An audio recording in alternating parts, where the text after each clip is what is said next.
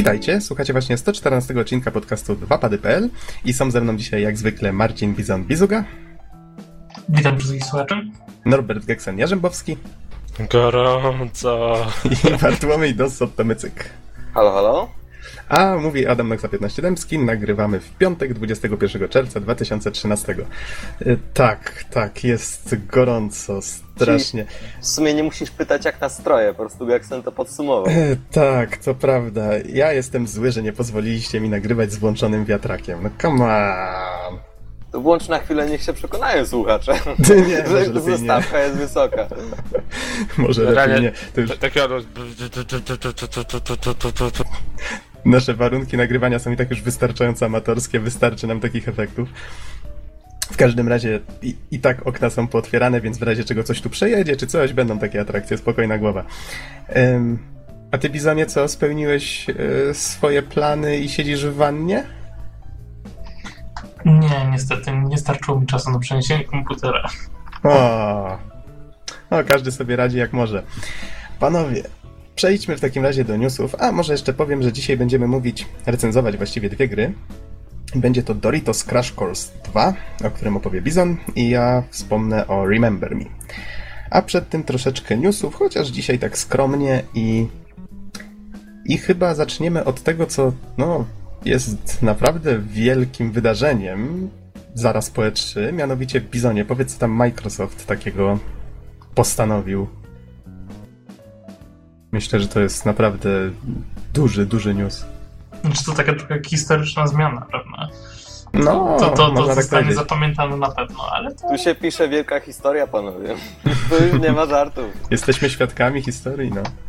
z drugiej strony jak y, ktoś z góry tam w Microsoftie skrytykował y, tą politykę i stwierdził, że stawia cały oddział Xboxa pod znakiem zapytania, to nic dziwnego, że jednak w- wzięli się i, i postanowili coś zmienić. Czy I to kto to zrobił? Sam Don, Don Matrix. Ale po pierwsze, że czy, czy to będzie dobre dla całej branży, to się dopiero okaże. Ale, A to ale może czekaj, powiedzcie ja- o co chodzi. No właśnie, o co chodzi? Ja- Jak on, znaczy, może inaczej, w jaki sposób ten komentarz się pojawił, bo ja nie słyszałem o tym jeszcze. W jakich A, ale, okolicznościach? ale to powiedzcie co się w ogóle stało, panowie, panowie. Dobrze, to Generalnie ja przejdę do rzeczy w takim bądź razie.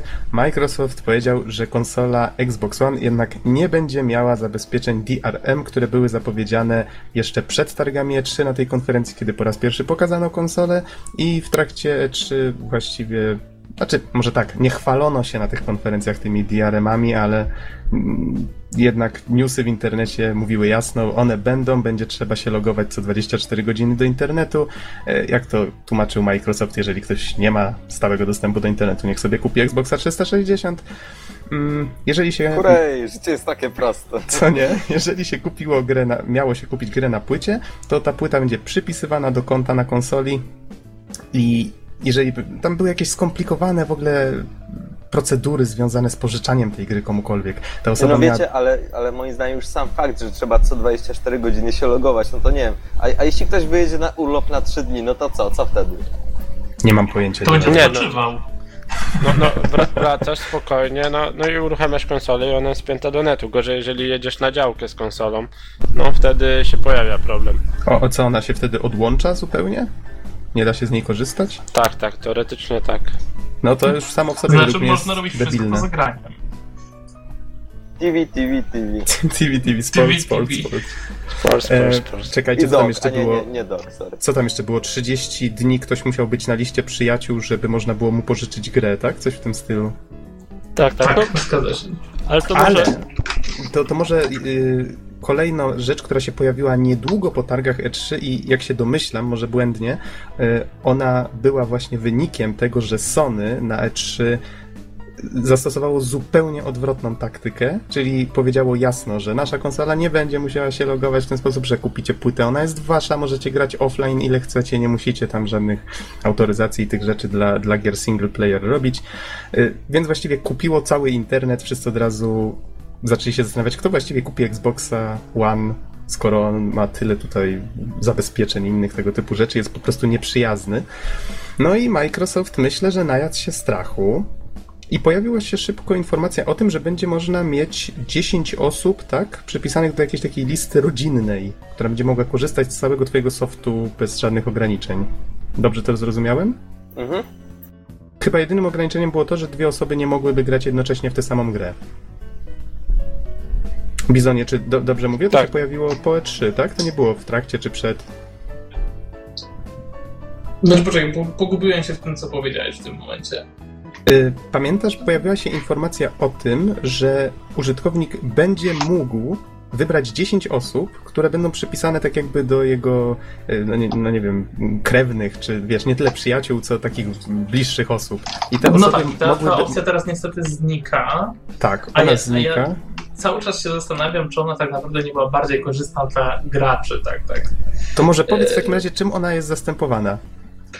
Znaczy, wiecie, no, też trudno się wypowiadać, ponieważ tak naprawdę nie wiadomo, czym by była ta opcja, tak? Bo e, Microsoft największy błąd, jaki popełnił, to on nie powiedział o niczym do końca tak naprawdę, tak?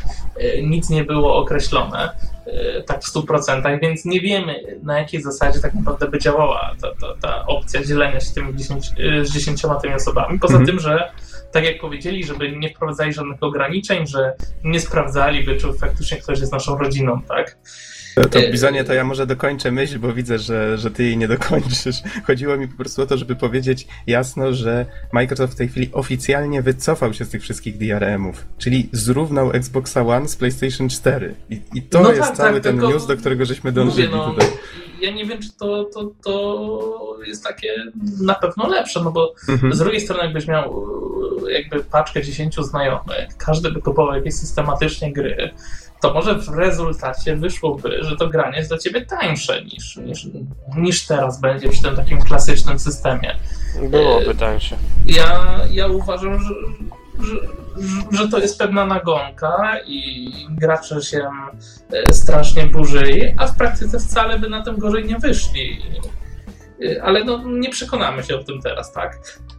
E, Powiem ci w ten sposób, że z mojego punktu widzenia, powiedzmy, że rozpakowałbyś sobie tą konsolę, no nie wiem, tak jak Pegasusa sobie zdejmujesz ze strychu kiedyś. Chciałbyś go sobie podłączyć do telewizora i odpalić.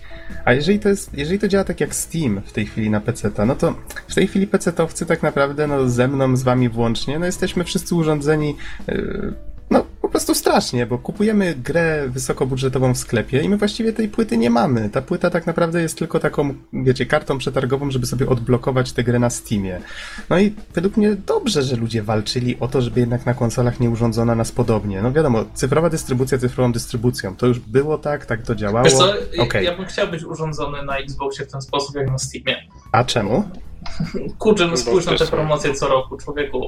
Kupujesz po prostu tony gier na tego Steama. Za, No dobrze, ale Za powiedz grosze mi- i masz co grasz, no. Okej, okej, spoko, tylko że co ma jedno do drugiego? Możesz promocję No. organizować nawet bez takich tych. No, Nie, nie, możesz, no widzisz, no bo ta, tak, jest, tak, ta- tak jest zrobiony rynek, że teraz wejdzie e, rynek wtórny Mhm. i, i, i to wszystko nie pozwoli na aż tak łatwe wprowadzanie promocji. Tak, chodzi o to, To żeby będzie trzeba zarobić na czymś, po prostu. Sprzedać więcej kopii gier na Steamie, no bo w sensie oferujesz niższą cenę na Steamie, bo wiesz, że sprzedasz więcej kopii gier o, na tej zasadzie. Szczególnie jeżeli jest ona przeceniona i ląduje w tym daily e, ten daily deal, czy jak coś tam nazywa. Mhm. No dobrze, a wiecie, tutaj może, mogę jeszcze przedstawić w sumie jedną opinię, mianowicie e, Cliff Leszyński się wypowiedział na ten temat i też był bardzo niezadowolony z tego, ja że... myślę, że wbrew pozorom e, to, to, to właśnie facet ma rację, tak? No, To może najpierw powiem, co, co on ten takiego powiedział Bizonie, nie no, wyprzedzajmy no. faktów. Wszystko dzisiaj od drugiej strony nagrywamy. Po prostu Yy. później musicie posłuchać odcinka do, do tyłu. W każdym razie Cliffy B y, już nie ukrywał wcześniej, że jest wielkim tutaj zapaleńcem, jeżeli chodzi o ten, ten, ten pomysł Microsoftu i w tej chwili no, nie ukrywał swojego niezadowolenia. Może tutaj zacytuję, co on powiedział e, z newsa na cdaction.pl. Więcej studiów zostanie zamkniętych. Zobaczycie też więcej gier PC i mobilnych. Widziałem dane porównujące liczbę unikalnych gamer tagów i rzeczywistą sprzedaż. Nie wygląda to dobrze. Chciałbym, żeby zamiast GameStopu to deweloperzy, którzy ruszyli swoją dupę do pracy, otrzymali pieniądze za każdą sprzedaną kopię swojej gry. No tutaj może nie zacytuję tej, tego, co tutaj napisał dalej. W każdym razie zamieszczę tego newsa pod podcastem. On tu jeszcze mówi o tym, że według niego będzie więcej gier z trybem multiplayer i DLC, y, że mikrotransakcje zyskają jeszcze większe znaczenie. I tak można to zrozumieć, jakby jakby według niego cyfrowa dystrybucja miała znacznie ucierpieć? Nie tyle cyfrowa dystrybucja, co podejrzewam, że po prostu ciężej jest się utrzymać to, co wcześniej. E, jakby studiom, jeżeli jedna gra ląduje, jeden egzemplarz gry ląduje w 10 rękach po kolei, tak?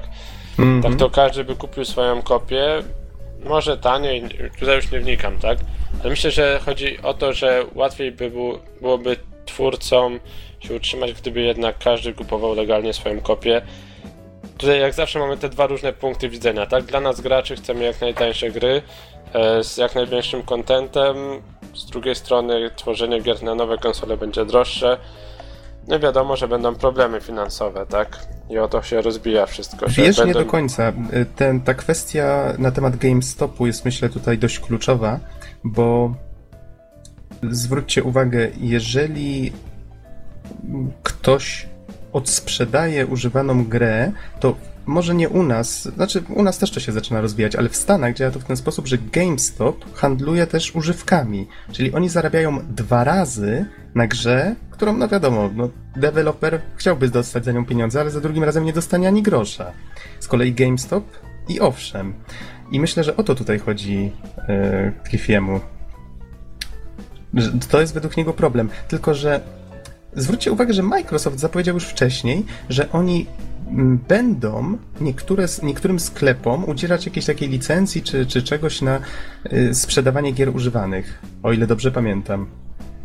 I jeżeli faktycznie by do tego doszło, czyli byłyby tylko, byłaby tylko grupa sklepów, które mają to pozwolenie na sprzedawanie tych gier używanych, to według mnie to jest jeszcze gorsza opcja, bo po pierwsze, GameStop i tak dostawałby te pieniądze, więc argument Cliffiego automatycznie przeradza się tutaj w coś zupełnie odwrotnego. Ale by dostawał i GameStop, i Microsoft, tak? To, to jest No różnica najważniejsza. Microsoft, Microsoft okej, to jestem Ale- w stanie uwierzyć. Albo by stworzyli rynek, gdzie sobie możesz odsprzedać po prostu grę na. No nie wiem, no wystawiasz po prostu na coś na zasadzie Allegro, tak? Mhm. E, Ale zwróćcie uwagę jeszcze na inną rzecz. To by była też nieuczciwa konkurencja przede wszystkim, jeżeli chodzi o te sklepy. No to doszłoby tu do pewnej patologii tak naprawdę.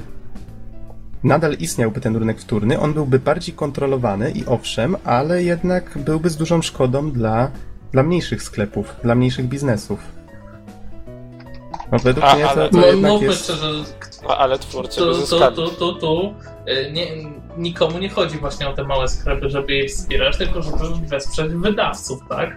To, to jest właśnie wojna z tymi małymi sklepami tak naprawdę, które tak naprawdę sprawiają, że, że to właśnie twórcy gier nie zarabiają, tak? Bo te małe sklepy tym Mhm. bardziej stawiają na używki i tak dalej i tak naprawdę nie przynoszą żadnego przychodu tym osobom, które powinny dostać jakiekolwiek pieniądze za swoją pracę.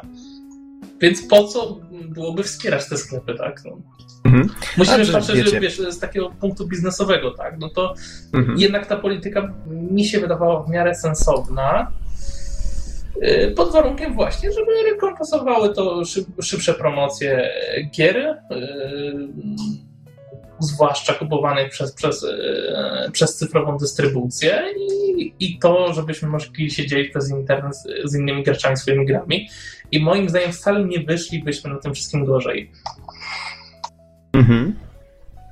Tylko Bizonie, znaczy, nie no, oczywiście, masz Popieram rację. Bizona. Tylko kwestia jest tu taka, że mamy tutaj. Mo- No, można tutaj przywołać to powiedzenie, że punkt widzenia zależy od punktu siedzenia, prawda? Bo tutaj tak naprawdę nie jest tak, że ktoś ma jakąś taką wyższą rację.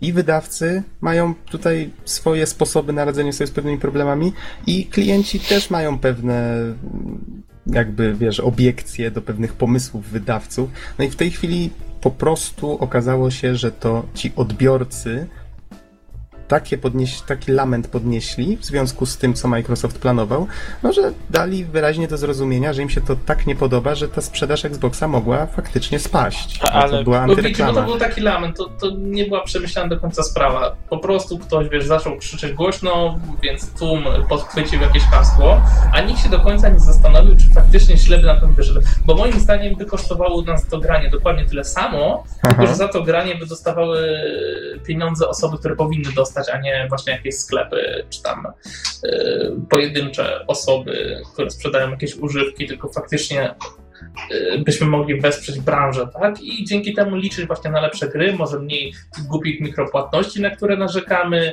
y, może nie byłoby trybów multiplayer, które są wciskane na siłę do gier. Nie, No, widzę, nie, szczerze, to- no tak, tak to teraz działa, tak? A mogło być Ym. zupełnie inaczej. To jest kolejna rzecz, y, z którą się nie Po zgadzam. prostu że- gracze chyba byli po prostu nie, nie gotowi na taką sytuację. I to wszystko. Oj, ja, ja, stanę, ja stanę po drugiej stronie barykady, Bizonie. E, Akurat jeżeli chodzi o te mikro, mikrotransakcje, do tego chciałem się odnieść, bo Cliffy B właśnie pisze tutaj, że przygotujcie się, nadchodzi więcej trybów multiplayerowych i DLC i zobaczycie też gwałtownie zyskujące na znaczeniu mikrotransakcje. Według mnie to jest totalny bullshit, bo zwróć uwagę, kto by ubijał tą kurę znoszącą złote jajka tylko dlatego, że ktoś mu załatwił, no nie wiem, nowy kurnik z lepszą kłódką. Nikt. Nikt by tak naprawdę nie przestał wydawać tych DLC tylko dlatego, że są lepsze zabezpieczenia. One i tak powstają i będą. A, ale, a to tak nie o samo to z chodzi. mikrotransakcjami. Moim zdaniem takie coś, że po prostu, tak jak na Steamie, masz jedną grę przypisan, przypisaną do konta, nie może się nikomu sprzedać, Mhm. e, sprawia to, że kupujesz jakby więcej gier, przez co twórcy są w stanie zaoferować niższe, niższe ceny, tak? To jest ten główny argument i podejrzewam, że gry na Xboxa byłyby wtedy tańsze. Ale ty, no, możemy no, sobie gdybać chcesz- w każdym razie, tak? No może... No, Przepraszam, bo ci się chciałem słowo, chciałem, że skończysz. nie, Pytam, skończę. chciałem się zapytać Noxa, czy on po prostu chce więcej takich DLC, gdzie faktycznie wycinają coś z gry, żeby ci dać to po chwili, żebyś nie sprzedał gry w międzyczasie. Bo, E, bo, bo, bo to zaczynało dążyć e, w tą stronę coraz częściej. e, Bizonie, według mnie to jest zupełnie inna kwestia. Naprawdę, ja uważam, że to jest A moim temat... zdaniem zawsze wszystko zaczyna się od kasy, bo to jest wciąż No tak, biznes. dokładnie, I jeżeli te dokładnie. pieniądze by były w większej ilości, to, to by mogło to wyglądać po prostu inaczej. Tylko nie o to mi chodzi. Zwróć uwagę, że jeżeli ktoś wydaje DLC, żeby na nich zarobić, no każdy wydaje DLC, żeby na nich zarobić, sprawa jest prosta, to dlaczego miałby przestawać to robić? Bo Nie no, to, z tego, to z nie tego chodzi wynika, o że... jakieś dodatkowe dobre DLC, jak na przykład kolejne dodatki do Battlefielda, tak? To, Aha. jest, to jest inna kwestia, tak? To, to, to, to, to jest normalne. Chodzi o wycinanie e, różnych elementów, potem ich e, dawanie po to, żeby teoretycznie coś się działo cały czas E, przy, tylko- przy jakiejś tam produkcji. Bizonie, wydaje mi się, że to jest tak naprawdę zmiana tematu na zupełnie inny, który nie jest związany kompletnie z tym, o czym teraz mówimy. Ja no panowie polecam... możemy, możemy to trochę, trochę No właśnie. Już, już ukrócić na tym momencie. Po prostu ja utrzymuję moje zdanie, że wcale byśmy mogli źle na tym nie wyjść. Yy, Nie podoba mi się w związku z tą zmianą to, że będę musiał yy, wkładać płytę do konsoli, żeby odpalić grę, no bo weryfikacja teraz odpalenia gry będzie dokładnie taka jak w obecnej generacji, czyli wkładamy płytę, jest zweryfikowane, że posiadamy tą grę i w nią gramy. Mhm. A ja się cieszyłem na to, że sobie zgram wszystkie gry i, i będę miał e, 100% komfort e, z, tym, z tym związany. E, Plusem za to jest to, że będę mógł teraz sobie sprowadzić Xboxa i na pewno na nim pogram w Polsce, przynajmniej takie jest oficjalne e, tutaj stanowisko.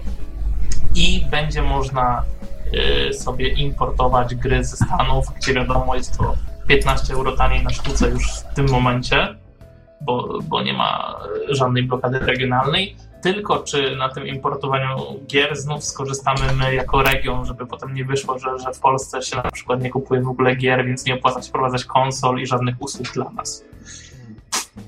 O, bo, bo to też tak się kończy, że, że, że no dlaczego nie ma tego Xboxa w Polsce? Czy, czy ludzie nie grają na Xboxie w Polsce? Nie, ludzie nie kupują nowych gier i ludzie yy, ściągają te gry skąd się tylko da, żeby było taniej z UK i więc teoretycznie u nas rynek nie istnieje, mimo że dużo osób gra. A ten, a mam takie pytanie, czy na przykład e, czy Xbox i Microsoft ma też osobne oddziały na Europę, na Stany i tak dalej. Bo na przykład Nintendo nie pozwala sprzedawać o to, że ma tą blokadę regionalną, po to, żeby każdy oddział jakby, wiesz, reprezentował i zarabiał na siebie, nie? No oni, oni teraz nie mają blokady regionalnej, no bo nie mogą jej mieć, bo Sony jej nie ma, tak? Więc y, to, to już y, idąc tym tropem i chcąc dorównać jakby ofercie Sony, patrząc tak jednostronnie, no to musieli również y, tego dokonać, tak? Po prostu jest teraz, w ogóle w tej generacji tak naprawdę nie będzie żadnej ochrony regionalnej kontentu, tak? W ten sposób. Przynajmniej nie, nie tych gier na płytach. Okej, okay, okej. Okay. Mhm. E, ja, ja tu może zacytuję jeszcze końcówkę wypowiedzi Blaszyńskiego, mianowicie koniec końców wielu hardkorowców nie lubiło tego, co próbowano osiągnąć. Nie możesz sprawnie funkcjonować w tej branży z wieloma niezadowolonymi fanami. Sony zmusiło Microsoft do zmiany decyzji, a nie internet. Natura kapitalizmu zachęca do konkurencji, a Sony to wykorzystało. Koniec cytatu. Mówiąc krótko, no Sony zadziałało tak, a nie inaczej, bo to było im na rękę. No, a Microsoft musi się teraz do, dostosować, bo no, widzicie, jak zareagowali odbiorcy. A, a to, czy faktycznie. Czy podobno tak odbiorcy... tak zareagowali, że, że, że w GameStopie już, już nie można zamówić Xboxów, nie? Bo to się skończyły, ale no spoko. To znaczy, powiem tak. Bizonie, to czy dobrze się stało, czy nie, to myślę, że już każdy będzie musiał sobie indywidualnie znaczy, kwestia odpowiedzieć. jest tego, że, że, że nie dowiemy się w tej generacji, co tak naprawdę byłoby dla nas lepsze, bo dostajemy to samo na obydwu platformach. Może, może i y, dzięki temu rywalizacja jest równiejsza między konsolami. Mm, ja z mojego punktu widzenia dobrze, że się nie dowiemy, ale faktycznie według mnie dobrze, że, że ta rywalizacja, tak jak mówisz, będzie równa. Czyli tak naprawdę teraz dopiero mogę rozmawiać o tym, czy ja chcę tego Xboxa kupić, bo wiem, że to jest po prostu sprzęt, który kupuję na tych samych zasadach, na które gry kupuję na tych samych zasadach. Jest po prostu, wiesz, inna platforma z innymi ekskluzywami. Okej, okay, i, i, z innymi na przykład featureami. Tak, no to w tym momencie, no biorąc powiedział, że konfiguracja konsol jest bardzo podobna. Wiem, te różnice w ramie, ale to myślę, że aż, aż, aż tak nie będą druzgocące dla, dla tego, co zobaczymy na ekranach. Mhm. Yy, teraz to jest tylko walka na soft. No dokładnie. A propos... A jeszcze wiem. może jedna, jedna rzecz na sekundkę ci się wetnę, Norbert. E, z tym kupowaniem gier, co nie na 10 osób powiedzmy. Zwróć uwagę, że jak masz powiedzmy tych 10 znajomych, możecie się zrzucić na płytę i mieć tę grę na płycie. To nie jest żaden problem. To, to tak działa w teorii Noxu. Ale dlaczego? To, no, znajdźmy 10 osób, gdzie każdy ci dorzuci 19,90 i płyta będzie wędrować. To jest takie to tak nie działa. Znaczy, Co innego, ja, jak się umawiamy sprawę... nie z Norbertem, że mamy to samą, tą samą jakby ro, rodzinę utworzoną i, i on sobie mówi, ej, dzisiaj ja wieczorem w to gram, ja spokój, koniec. Nie, nie ma czegoś takiego. Znaczy, no tak, ja na przykład tutaj... sobie gram do, do 16, w jakąś grę on gra po 16. A on nie jest z Warszawy. Nie, nie ma możliwości, żebyśmy codziennie rzucali tą płytą w tą i z powrotem, nie? Z Łodzi a, a tak to nie ma żadnego problemu. No tak, mówicie tutaj o wygodzie związanej z cyfrową dystrybucją tego tego, tego samego rozwiązania, no, czyli no, mniej więcej wiecie o co mi chodzi. No, to, to, o czym mówicie, faktycznie byłoby bardziej wygodne, ale z drugiej strony ta płyta, no tak jak mówiłem już wcześniej, możecie ją odpalić właściwie nawet nie podłączając się do internetu, co nie? No to jest jednak duży Tak, tyle, że ona wywędrowała, gdzieś się zgubiła i potem byłyby rozmowy, słuchajcie, miesiąc temu pożyczyłem ci płytę i kto ma? Porysowana, jeszcze wróciła, przez psa zjedzona. No to, to, to są wady jednak tak. Mi się podoba takie współdzielenie i tak a propos, jeżeli jesteśmy przy tym współdzieleniu, mhm. zamkniemy tam ten temat, to Steam podobno w najnowszej becie gdzieś odnaleźli fragmenty kodu za odpowiedzialne za współdzielenie właśnie gier, że mhm, być tak, może tak, będziemy mogli pożyczać gry naszym znajomym. Nie wiem, czy Steam się z tego nie wycofa po tym, jak Xbox się z tego wycofał, tak? W sensie wtedy musiałby odpowiedzieć jako konkurencję. W tym momencie, jeżeli Xbox się z tego wycofuje, to być może oni też tego nie zrobią. Ale to byłoby genialne, tak? Ja mam dość sporą bibliotekę gier, ostatnio nie mam czasu na granie. Myślę, że tutaj moglibyście sobie pokorzystać z tego. No i, no i to byłaby fajna opcja, ale mówię, mhm. nie wiadomo czy to wprowadzą, to pojawiło się tylko w becie i to nie jest jeszcze oficjalnie dostępna funkcjonalność. Nawet do tej pory ona nie działała, tak? W becie, więc w pełni nie działała, o może w ten sposób. Taka raczej zaślepka na razie się pojawiła. Poczekamy, zobaczymy, liczę na to, że jednak się coś takiego pojawi, bo to świetna opcja. Mhm. Okej, okay. no dobrze, to Słuchajcie, w takim razie skończmy tam ten temat. Widzę, że faktycznie mamy tutaj zupełnie różne opinie. W takim razie zostawiamy tą kwestię do rozstrzygnięcia słuchaczom. Trochę żeśmy tu argumentów z każdej strony rzucili. Przejdźmy może dalej, co my tutaj mamy. A to w sumie jest taki news, który wrzuciłem pod podcast poprzedni, ten, w którym żeśmy opowiadali o targach E3, czyli to, że, że te gry na Xbox One prezentowano na, na komputerach z Windowsem 7 się okazało, wyszło na jaw. Y, tylko, no, no właśnie, poprzednio nie mieliśmy okazji tego skomentować, bo to się pojawiło już po tym, jak żeśmy nagrywali. Czy chcecie coś dodać do tego? Ja mam w sumie tylko jedną wątpliwość. Aha. Tak bardzo mnie ciekawi, czy gry, które pokazywano na samej konferencji, yy, czy one były prezentowane na, też na PC, czy na samej konsoli? To mnie najbardziej frapuje, nie zwróciłem na to uwagę, ale chyba wydaje mi się, że tam chyba była jakaś konsola w tle wydarzeń, więc no nie wiem, no w właśnie każdym razie. Niestety jeśli, tego, jeśli... tego nie wiemy i no chyba właśnie, nie będziemy w stanie się e, dowiedzieć. W przypadku jeśli nie, no to wtedy jest to wtopa na maksa. Jeśli tak, no to, no to nie do końca, ale, ale tak czy siak jest to sprawa dosyć kontrowersyjna. Ale wiecie, co jest zabawne? W obliczu tego to aż zastanawiające te problemy techniczne, które miało Sony, że na przykład się Assassin's Creed 4 tam przywiesił w jednym momencie już definitywnie. No wiecie, to jest wtopa. Powiedzmy sobie szczerze, to jest wtopa. Ale z drugiej strony, no cóż, to daje jakby takie wrażenie, że to mo mogło być faktycznie uruchamiane na tym prototypie tej PS4, nie? który jeszcze nie był doskonały. No to nie umniejsza tego, że to był duży problem, ale.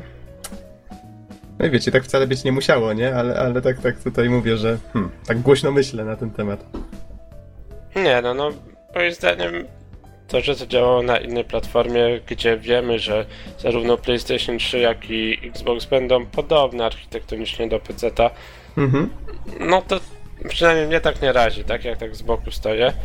E, no, wtopa trochę na zasadzie takiej marketingowej, ale no co, jeżeli na konsoli będzie wyglądać tak samo, jak pokazali na konferencji, no to luz. Ale właśnie yy, z mojej strony taka wątpliwość, w sumie takie bardziej pytanie, tego, że wynika, że gry były prezentowane na PC z lepszymi bebechami niż ma, mają być w samej konsoli. No I właśnie, to może być to problem, jest, to jest pytanie, moim zdaniem, najważniejsze tutaj.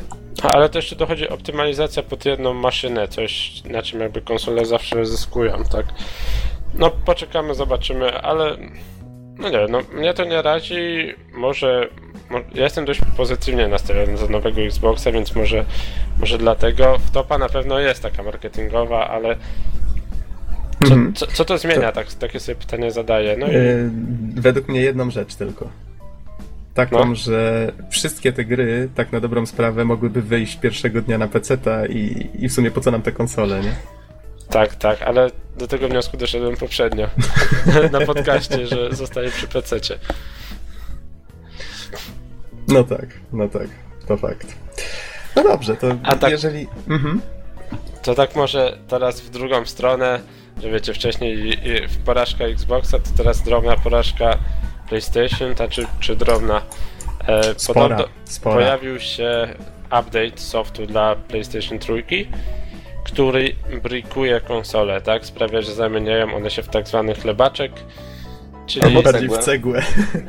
Czyli nie możecie nic z nimi niestety zrobić, w grę już nie pogracie i jest to oficjalny, był to oficjalny update od Sony. Tak, numerek 445. Tak, no i sporo, nie wiem jak, no jak to, to działa, znaczy... jeżeli, jeżeli skończyła mi się gwarancja i oni wydadzą Aha. taką wadliwą aktualizację, to Oj, powiem ci szczerze, nie mam pojęcia, jak to działa z gwarancją, ale ponoć niedużo osób, tak przynajmniej się mówi, że niedużo osób zdążyło to pobrać, bo ten update ponoć pojawił się w nocy i bardzo szybko został zdjęty. Okazało się, że u niektórych ten problem pojawił się szybciej, u niektórych wolniej. Mm, ponoć dużo szybciej na, na już nie powiedzieć na komputerach, na PS3, y, która miała na przykład wsadzony nieoficjalny dysk twardy. Możliwe, że to znowu Sony próbowało jakoś zabezpieczać przed pirackimi jakimiś metodami i to wiecie, nie wyszło im do końca, nie? Zapowiadają teraz, że 27 czerwca ma się ukazać update, który, który naprawi to, co się zepsuło. bardzo możliwe, że, znaczy nie wiem, czy to dokładnie tak będzie działać. Z newsa tutaj na selection.pl wynika, że ten update da się jakoś wgrać na takiej zbrikowanej konsoli i że ono ją wtedy naprawi. Tak przynajmniej rozumiem te treści. No miejmy nadzieję, no bo nie fajnie byłoby, wiecie, skończyć bez. No i trzeba byłoby latać do Konsoli. serwisu, tak? No to tak, to jest nieprzyjemne. No. A nie wiem, no dobra, to może już nie wnikamy w szczegóły techniczne. Mhm, tutaj E- widzę, że jeszcze mm, Bizon podesłał newsa z poligami dotyczącego ewentualnej premiery PlayStation 4, a tutaj wiem, że różne plotki latają. Tu, tutaj widzę różne newsy na ten temat, bo niektóre sklepy zaczęły ogłaszać, że będzie dostępna konsola tego dnia lub tego dnia i teraz to wszyscy podchwytują.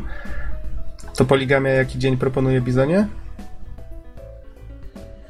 Na ten moment 13 listopada. 13 listopada, tak? Dla PlayStation 4 i 21 listopada dla Xboxa. Tydzień A, później. Znaczy, no to są w miarę realne tak, daty premiery. Tak. Jak, jak coś się ruszy, to kilka dni maksymalnie. No to może być ciekawy pojedynek. Bardzo ciekawy. Jeszcze jak kilka dni będzie różnicy, to już w ogóle. Ale dobrze, bo czas nam się troszeczkę kończy. Jak Powie- jesteśmy przy PlayStation, to ja może tutaj Aha. taką dzisiejsze moje odkrycie i propozycję na może ultra tanie granie dla niektórych. Y, To jest wykopane na Allegro kody na, na, na PlayStation Plus na 30 dni, które kosztują złoty 49. Brzmi fajnie. To, tutaj ten Bardzo tak. Jest, jest jeden minus tego, tych kodów, bo to są kody promocyjne generalnie i one nie działają z kontami, które już posiadają PlayStation Plus lub kiedykolwiek korzystały z PlayStation Plus, bądź też y, po awarii wtedy tej dość pamiętnej całego systemu PlayStation Network y, osoby, które ściągnęły y, któreś z proponowanych przez Sony gry jako rekompensatę też nie mogą skorzystać z tych kodów Mhm. co w- rezultacie sprowadza się do tego, że zazwyczaj większość osób, które skorzysta z tego kodu, będą musiały założyć po prostu nowe konto na PlayStation Network. Yy, No, za to plus jest taki, że przez 30 dni mamy dostęp do PlayStation Plusa i do wszystkich gier na nich zawartych w tym, na ten moment, więc jeżeli komuś nie przeszkadza zmiana co jakiś czas konta, yy, to myślę, że można grać właściwie za bezcen. Ja osobiście właśnie zmieniłem sobie konto, założyłem nowe, nie byłem jakoś bardzo związany ze swoim starym i, i potwierdzam, kod działa. Ściągam właśnie Uncharted na PS Vita, które zabiorę ze sobą na, teraz na, na, na wakacje. Yy, Ściągam też Gravity Rush, wiem, że jest również Rayman Origins w pełnej wersji, więc, więc tak na dobry początek za te złoty 49, żeby wyciągnąć tą Vita z szuflady, to chyba lepszej oferty nigdzie nie znajdziecie. No To, dobry to jest tytuł. ciekawe. Skąd Właśnie te kody Bizon- się wzięły? Y, A propos tych kodów, to są kody czasowe. Tak, 30 dni. Ale tak I działa trzeba je wykorzystać do grudnia. No i tak działa PlayStation Plus, tak? Czyli, że wykupujesz na miesiąc usługę. Znaczy, y, normalne kody na PlayStation Plus są 90-dniowe i całoroczne. Mhm. Aha, to to jest takie prawo. Tak. A to, to, to, są, to są jakieś y, kody, które prawdopodobnie pochodzą z jakichś akcji promocyjnych. Możecie dostać je za złoty 49, są też po 4, po 5 zł na Allegro. Y, Jak sobie poszukacie, to tak znajdziecie i one właśnie działają no w taki sposób, jak powiedziałem, tak. No, ale działają, faktycznie działają. Jeżeli ktoś chce grać naprawdę tanio, y, nie ma problemu z przywiązaniem się do konta. Y, Znaczy, nie wiem jak to jest na PS3, bo, bo na PS Vicie jest ten problem, że można mieć zarejestrowane tylko jedno konto. Y, Na konsoli, jakby konsola jest pod jedno konto. Obstawiam, że na PlayStation 3 możliwe, że można tak zrobić, że po prostu założyć sobie dodatkowe konto i grać na swoim jakby macierzystym konte, e, koncie w gry, które ściągniemy z PlayStation Plusa, ale absolutnie e, nie, nie jestem tego pewien. Wiem, że jeżeli to by była konsola Microsoftu, to tak by to działało, ze względu na to, że jeżeli ściągamy gry z innego konta, to i tak działają na wszystkich kontach na konsoli. Nie wiem, jak jest z PlayStation, ale bardzo prawdopodobne, że jest podobnie. Więc y, m- można robić też tak, że zakładamy sobie dodatkowe konto, kupujemy sobie kilka tych kodów y, i, i, i, i korzystamy z tego no po prostu z tych darmowych gier, właściwie rzecz biorąc. Mhm. No okej, A, fajne, fajne. Wiesz, Bizonie, tak tylko jak jak żeś wspomniał o tym, że tylko jedno konto można mieć na bicie, no widzicie, no to nikt nie jest bez winy tak naprawdę, każdy próbuje sobie jak najlepiej ułożyć, nie? W tym biznesie. Nie da to- rady, trzeba, trzeba sformatować wszystko, żeby zmienić konto, łącznie z Aha. kartą pamięci, co jest dość, dość to, też się przykrym wycwanili. obowiązkiem. Też się wycwanili. No dobra. Wiecie co? Przejdźmy w takim razie do przyjemniejszych newsów. Zapomnijmy o Microsoftie i Sony, bo. E, To, to może Nintendo. tak, tak, poproszę, bardzo poproszę. E, nie wiem, czy newsy są przyjemniejsze, bo generalnie cała branża zmierza w takim specyficznym kierunku. A już wiem o czym mówisz, bo ja też instalowałem ten update. Okej, generalnie tak. Pokazał się update softu dla 3DS-a, który dużo, dużo zmienia naprawdę. Po Pierwsze, możecie sobie backupować wasze savey z gier zakupionych cyfrowo, co jest akurat fajne. Czyli jeżeli odinstalujecie jakąś grę, nie macie miejsca, możecie sobie zostawić save'a. Po drugie, najważniejsze, pojawił się update Mi Plaza, e, który wprowadza cztery nowe gry ale są to gry płatne niestety. Każda kosztuje po 20 zł. E, łącznie zapłacimy, jeśli kupimy pakiet 4 gier, zapłacimy 60 zł zamiast 80. No i no jak to dzisiaj, tak? Z jednej strony się cieszymy, jest nowy content. Oczywiście nowy content nie jest za darmo. E, no niestety, jest to, to troszkę- jest. co jest troszkę irytujące, tak? Te mikropłatności właśnie wciskają się wszędzie i no nie wiem, no mnie to strasznie irytuje. Tak To znaczy, wiesz, z drugiej strony rozumiesz to, no to jest, to są jakieś gierki, które możesz mieć, nie musisz ich mieć, prawda? Nintendo daje ci dwie, przyzwyczaja cię do tego systemu, a reszta jest tylko czystą opcją. Ale to jest takie, w sensie, zawsze mamy te dwa punkty widzenia. Punkt widzenia gracza, który po prostu, ja chcę mieć wszystko najlepiej za darmo, tak? Mhm. No, a, a to no jest ten punkt dystrybutora, który chce zarobić, chce się utrzymać, ale dla mnie jako gracza nie podoba mi się. Nintendo do tej pory było ostatnią marką, która się przed tym broniła i za to bardzo ceniłem Nintendo. A teraz się to zmienia i troszkę Wiesz, możliwe- taki niesmak. Aha. Możliwe, że faktycznie ostatnimi czasy trochę im po kieszeni poszło, bo jednak nie radzą sobie chyba aż tak dobrze jak za czasów Wii. I po prostu muszą się troszeczkę chwytać takich, takich rozwiązań. No ale i, i tak myślę, że zrobili to całkiem fajnie. Faktycznie ten update aż tak zachęcał do tego, żeby, żeby kupić te gierki, co nie?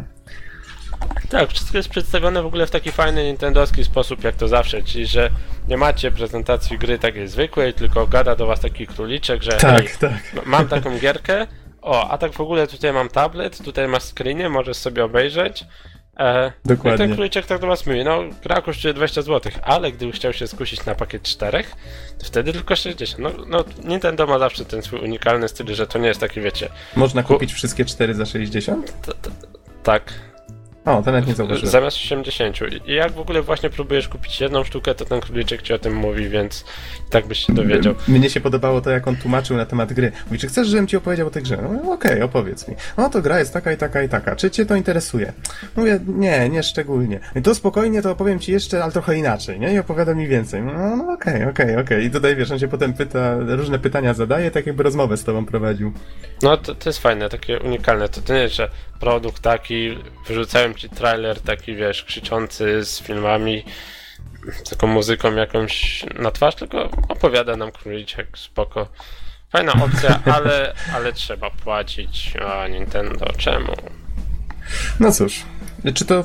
A, jeszcze dodano chyba w związku z tym, że te gierki się pojawiły, to cały Mi Plaza w ogóle się trochę pozmieniało, tak? Bo y, jak- jakieś Tak, takie, tak. to podwórze się rozrosło, mamy więcej muzyczek chyba w tym. W tym Moż więcej czapek, dużo więcej czapek. Tak, tak. E, można sortować mi w ogóle teraz po levelu, po kolorze i inne. Masa takich drobnych usprawnień, ale jakby główną, główną zmianą jest wprowadzenie tych czterech nowych gier. Mhm. I każdy Passie. dostał za darmo Pixel Mario Hat, to, to jest fajna rzecz. Tak, tak. Okej, darmowe rzeczy to my lubimy, jak sam powiedziałeś. Co my tu jeszcze mamy? Właściwie jeden news został już tylko. Mm, czy ktoś z Was grał w Hotline Miami? Nie, ale wiem, że wychodzi dwójka. Tak, wychodzi dwójka i będzie miała podtytuł The Wrong Number. No i właściwie to, to tyle. No zwiastun pokazuje raczej niewiele, trochę bardziej teaser to jest niż zwiastun. No i no, idzie dwójka, no po prostu. I gra nadal będzie brutalna, nadal będzie taka bardzo oldschoolowa, jeżeli chodzi o oprawę. Chyba najwyższy czas zagrać w jedynkę, coś tak, coś tak widzę. A chyba nawet teraz jest niezła okazja, żeby ją kupić, bo na Gogu rozpoczęły się. O, to też w sumie można potraktować jak newsa. Na Gogu rozpoczęły się letnie wyprzedaże. Nie wiem, Ja mam- ile one będą jeszcze trwały, ale jest tego od groma. A 500 gier zostało przecenionych i przez dwa dni można było pobrać. E, którą z nich? Torchlight. Za free. Za free, tak.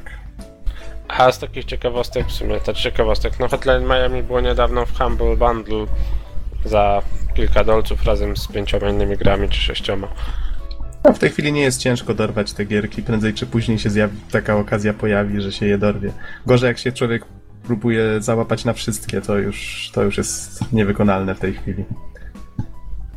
No, chyba że u niektórych pieniądze rosną na drzewach. No dobra, panowie, przejdźmy do tematów głównych, bo trochę żeśmy się rozgadali, ale fajnie, fajnie, trochę było dyskusji. Bizonie, powiedz nam, czym tak naprawdę jest ten Doritos Crash Course 2, bo to brzmi dla mnie jakoś, jakoś tak kompletnie obco. Tak wręcz casualowo. Mm. E, Troszkę, troszkę tak jest. E, To jest e, bezpośrednia kontynuacja pierwszej części, która niedawno też pierwsza część została przeniesiona na Windows 8. To jest gra na Xboxa, tak? Jest to ogólnie tak gra na Xboxa 360 darmowa, tak jak pierwsza część. E, Można powiedzieć, że zostaje dorzucona do chipsów, tak? Bo to Doritos, ale tak naprawdę jest to całkiem porządnie zrealizowana produkcja. E, Całość gry opiera się na pokonywaniu takich torów przeszkód. Czyli jest to platformówka, czy... Jest w pewnym sensie tak, system taki platformowy, bardzo, bardzo dobrze wyważony. Gramy swoim awatarem i pokonujemy kolejne tory przeszkód, yy, którymi jakby wypełniona jest tak yy, gra. Yy, ta- tory, tory składają się tam różnych elementów. Trampolin, lin, ścian, po których skakujemy, generalnie dziur, przepaści, yy, młotków, które próbują nas zbić i różnych tego typu udziwnień. No, naszym tak naprawdę na, na, największym celem jest po prostu dotarcie do linii mety jako pierwszym. To, to, to, to takie dość proste się wydaje i No właśnie brzmi w rezultacie same zasady gry są bardzo proste, bardzo proste, ale rozgrywka jest niesamowicie taka intensywna i, i przyjemna. Aha. A, a powiedz mi w takim razie, skoro jest to darmowa gierka, czyli jak rozumiem wystarczy mieć dostęp do e, Xbox Live Arcade, tak? Żeby ją pobrać. E, Zgadza się, zgadza się. I widzę, że w- to całkiem nowa jest nawet, bo 8 maja wyszła. Tak, tak. Ta, ta, ta produkcja pojawiła się całkiem niedawno. E, Co prawda darmowa w tym wypadku. E, Troszkę się zmienia to z biegiem czasu, jak, jak dobrze wiecie, i są mikropłatności, tak, po prostu. Są mikropłatności, natomiast te mikropłatności są tak wyważone, że tak naprawdę grając normalnie w grze, są one nam totalnie niepotrzebne. Mhm. jeżeli byśmy chcieli dostać szybciej, sobie dokupić jakieś power-upy czy, czy coś, które jakby nie mają większego też znaczenia na, na rozgrywkę, to są takie minimalne zmiany, to, to możemy sobie dokupić monetki i je wykorzystać yy, w sklepie, dokupując jakieś tam pierdoły albo zmiany stroju dla awatara, czy tam specjalnych efektów typu płonący awatar, czy, czy tam jakiś elektryczny Można to, to, to, to, płonąc? to możemy to zrobić, ale jakby te mm, płatności są mocno opcjonalne i ani razu w grze nie powinniśmy poczuć, że faktycznie powinniśmy wydać te pieniądze, tak? To, to, to więc dzięki temu mogę stwierdzić cały czas, że gra jest jak najbardziej darmowa. W Bizonie można biec płonąc? No wiesz, to jest taki efekt, tak, dla, dla, dla, dla, postaci, tak, to nie, nie, nie wpływa w ten sposób na, na rozgrywkę. Okej. Teraz tak. Gra to została skon... Słuchajcie, gra została skonstruowana troszkę inaczej od pierwszej części, bo w pierwszej części po prostu pokonując poziom od razu odblokował się następny. I tutaj nie trzeba było nic robić. Natomiast w tej części drugiej trzeba wykupywać kolejne poziomy i każdy z poziomów kosztuje odpowiednią tam ilość gwiazdek, które potrzebujemy wydać, żeby odblokować ten poziom. I tutaj też można by było kupić te gwiazdki z mikropłatności, ale tak naprawdę nie ma większego problemu, że po prostu je zwyczajnie zdobyć. Tak? Y, każdy, każdy tor mniej więcej trwa na takim, na takim szyb, szybszym biegu, bez, bez popełniania błędów, jakieś dwie minuty. To jest taki, to jest taki optymalny czas do pokonania trasy w, w momencie, kiedy już ją naprawdę opanujemy. Tak? Nie, nie mówię tutaj o pierwszym razie albo yy, gdy gra ktoś niedoświadczony, bo wtedy nawet, nawet można przechodzić taką planszę 15 minut, bo można ginąć na każdym kroku ale jak już macie wprawę, to, to, to, to, to jest bardzo duży fan z, właśnie ze znajomości planszy i z ustalania sobie nowych rekordów czasowych. Właśnie, bo nie wiem, czy o tym powiedziałeś, czy ta gierka jest dla jednego gracza, czy dla większej ilości? O, pies odpowiedział.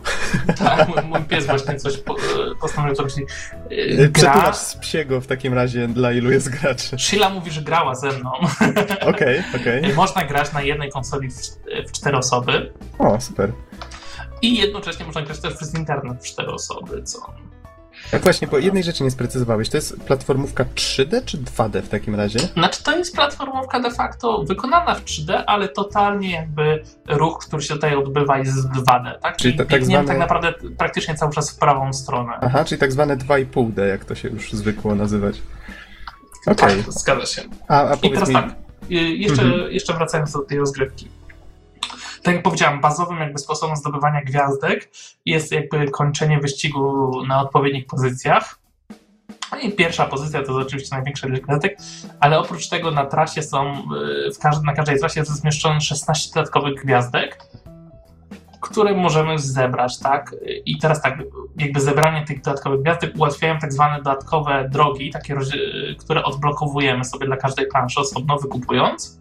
Wtedy na planszy pojawiają się dodatkowe kładki, które pozwalają nam się mm, po prostu dostać wcześniej niedostępne miejsca oraz jakby są też często skrótami dla planszy, więc dzięki temu możemy jeszcze prędzej pokonać jakiś poziom. I to wszystko bardzo fajnie funkcjonuje. Mhm. Powiem Wam szczerze, że chce się pozbierać te gwiazdki, chce się pobiegać po tych planszach, odblokować wszystkie 20 e, plansz, które są mm, podzielone na cztery światy więc teoretycznie niedużo. E, jeszcze raz możesz powiedzieć, ile tych plansz jest? Planż jest na ten moment 20, chociaż Aha. tak naprawdę dwa dni temu odblokowano dwa dodatkowe plansze dla, dla, dla jednego ze światów, bo one tam będą dochodzić co jakiś czas dodatkowo. Ale w tym momencie jakby tych głównych plansz jest 20 w grze. Więc nie jest to jakoś dużo, ale wbrew pozorom starczają na sporo czasu, jeżeli chcesz, chcesz pograć, pozbierać te gwiazdki, tak? To... to... Okej. Okay. A, zapomniałem jeszcze jednym, jeszcze jednym, co jeszcze Aha. wydłuża rozgrywkę dodatkowo. W każdej planszy są dodatkowe trzy zadania. Yy, I nie można ich wykonać naraz, tylko można je wykonywać po kolei. I to są zadania, gdzie na przykład yy, za utrzymanie, że tak powiem, na ekranie na przykład srebrnego gracza, czyli yy, takiego, który ma wymierzony czas na, na, na, na drugie miejsce, i na przykład przez cały bieg biegniemy tak, żeby go widzieć też na ekranie, na przykład dostajemy dodatkowe trzy gwiazdki na koniec. Więc każda plansza ma swoje trzy unikatowe zadania. Znaczy, one są dość podobne, tak? To, ale jakby jest to jeszcze taki dodatek. Mhm. A powiedz mi, ile czasu mniej więcej zajmuje ukończenie tego wszystkiego, co gra oferuje w tej chwili, tak za darmo kompletnie? Co, nie chcę was skłamać, ale ja spędziłem z tą grą tak żeby wyzbierać odpowiednią ilość gwiazdek, skończyć wszystkie plansze yy, na, bez śmierci, bo był taki achievement i tak no, dalej. Tak. To, powiem wam, że spędziłem z grą tak co najmniej 6-7 godzin, mhm. co, co jest yy, teoretycznie yy, na tak niewielką ilość planż dość, dość dużą ilością czasu. No i do tego, tak jak mówiłem, dochodzi tryb online, dochodzą różne jeszcze power-upy, y, dochodzi cofanie czasu, na przykład, które możemy sobie wykupić, gdy popełniamy jakiś błąd. Y, dużo, dużo takich pierdół jeszcze dodatkowych. Y, gra jest pod tym względem właśnie obładowana różnymi dodatkami.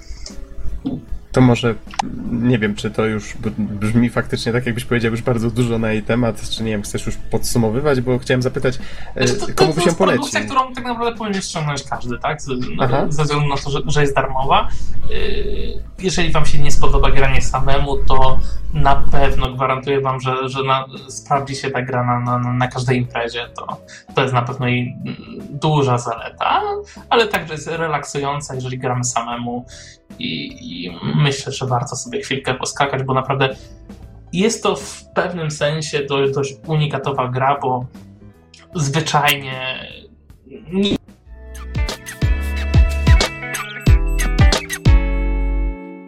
Wracamy po krótkiej przerwie technicznej. Niestety serwer Mambla odmówił nam posłuszeństwa, co się chyba zdarzyło po raz pierwszy, nie panowie? Niestety albo stety. Nie mieliśmy w każdym razie takiego przypadku. Bizonie, wracamy do twojej recenzji Doritos Crash Course 2. Ja już nawet nie wiem na czym skończyłem, ale ja chyba chciałem podsumować w ten sposób, że, że to jest świetna gra na, na imprezy i warto ją pobrać bo jest tak jak mówiłem za darmo dla wszystkich, którzy mają Golda na Xbox Live, więc nie ma na to czekać. Pobierajcie, grajcie sami lub też ze znajomymi. Polecam. Mhm. Okej. Okay. Lecimy w takim razie dalej, bo faktycznie trochę uf, już się zrobił 22 w tej chwili, więc no, czas, nas, czas nas ostro goni. Przejdźmy w takim razie do... Chyba, że macie pytania do Bizona. Panowie. E, raczej nie. Nie, okej. Okay. No to przejdźmy w takim razie do Remember Me. I... Ha, jak, jak tu zacząć? No dobrze, przede wszystkim jest to gra dość świeża. Wyszła... No tutaj patrząc na wiki, to u nas był 7, 7 czerwca 2013. No akurat te trzy były, to, to mieliśmy inne tematy do obgadania. Ja gierkę zdążyłem już dwa tygodnie temu przejść. Dzisiaj ją sobie co prawda przez 10 minut odświeżyłem, więc pamięć już nie ta, ale ale jakby co, to tutaj zasypujcie mnie pytaniami, to postaram się odpowiedzieć na wszystko. Gra jest takim. A, jeszcze powiem tylko, że wyszła na PC, PlayStation 3, Xboxa 360, więc jest to taki standardowy zestaw. Grę stworzyli, jeżeli się nie mylę, Francuzi z Don't Nod Entertainment. Grę wydał Capcom i jest to takie. Hmm, action adventure w takim sensie jak Uncharted na przykład, czy Tomb Raider. Mamy bohaterkę, nazywa się Nilin.